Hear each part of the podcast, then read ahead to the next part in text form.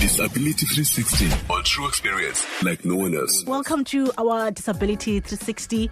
And uh, this morning we do have uh, Tatulukanyo Skonyela. And uh, we're talking about the fact that ke siqwalasela kwaye ke siyababhiyozela as well uh, abantu ke abadala and also show appreciation and also show some love.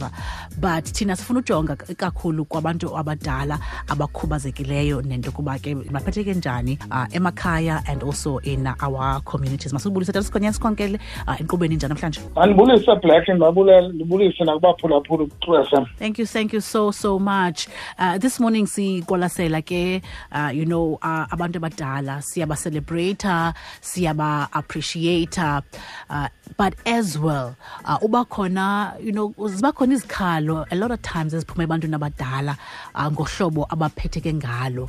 And also sikhe sive you know na, nasezindabeni kuthiwe yo bathathelwa imali abaphethwanga kakuhle kutheni? But nje just nge-experience yakho uh, sisindawoni ngoku when it comes to treating abantu abadala ngendlela. Hi Black nabaphulaphuli bethu FM iyandidandathekisa. Le ngxoxo yanamhlanje. Mm. kuba ndizayijonga though olu suku yi-united nation kodwa mna ndizimisele uyijonga from an african world view okay. Kuba abantu abadala abana-physical protection.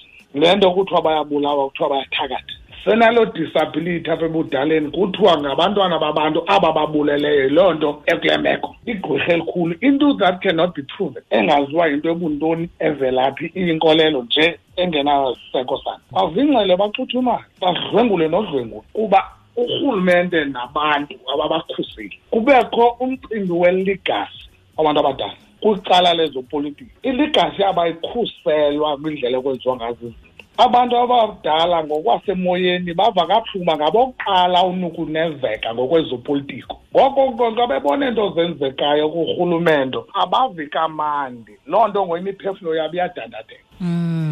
Kuba umbanike imali yokutya kuphelelanga apha kuthi kwenzeka izinto zorhwaphilizo zingasiwaso bakhale nge-good old days Mm.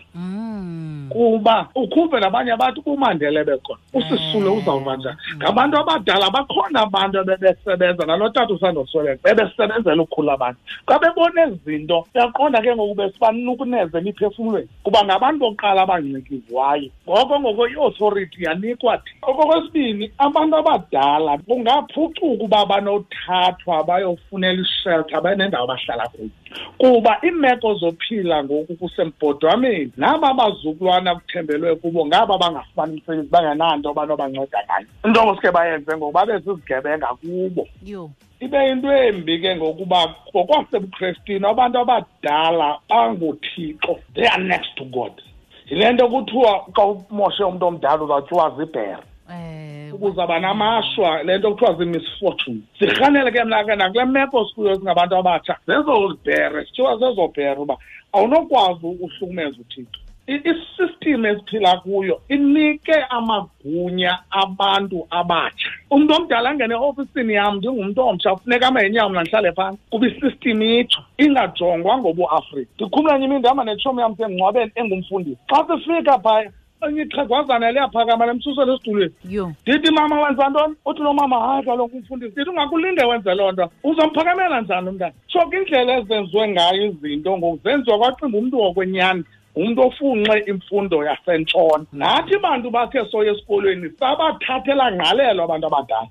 Sacinga uba sithi abaziyo ngaphezu kwabo. Sesityiwa nalixesha uh, tata sigonyela but ndiyafuna nje ucebise you know ndiqala njani ukulungisa you know not even mhlambi like on a grand scheme of things but kancinci kancinci apha mhlambi ekhaya in my own community. How do i make this right as a young ah, ah. person ke ngoku? Siye kulaa nto kuthiwa ibuyambo okay. African Renaissance sithathe nokuba iikumkani zinikwa amagunya iinkosi neekumkani ekuhlaleni. Kuba noba ingangabantu abatsha ikumkani kodwa kukho amafanankosi namaphakathi. Kwaye kubukumkani nobukhosi kulawulwa ngemithetho yakudala ezakwazi ulungelalana nabantu abadala. Ukuze nathi ke ngosikwazi uba sihloniphe ezi nkosi nobukhosi nendlela esihlala ngayo izokwazi ke ngoku iqhubekeka into yoba abantu abadala bahlonipheke uba uyakhumbula ubokwayo umama wayifunda laa ncwadi engqumbo yeminyanya kwakukho iitishara pha ezazigcwalise pha. Kodwa baqinisekisa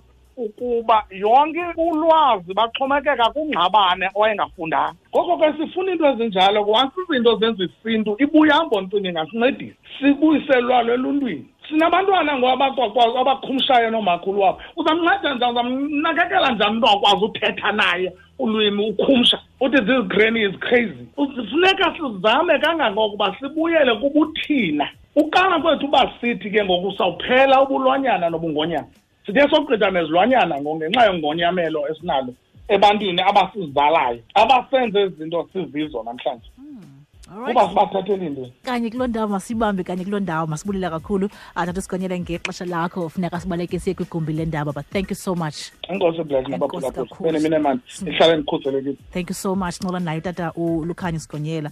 And today, you know, celebrating uh, International Elder Persons Day uh, and uh, just looking at indlela abantu abadala esibaphethe ngayo.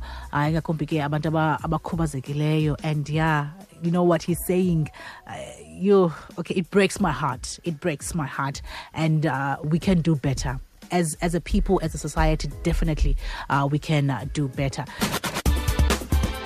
Idisability 360 ubuyiphathelwe yi-true fm ibambisene ne-sabc foundation. For more disability content visit sabc disability 360 on facebook or follow at sabc disability on twitter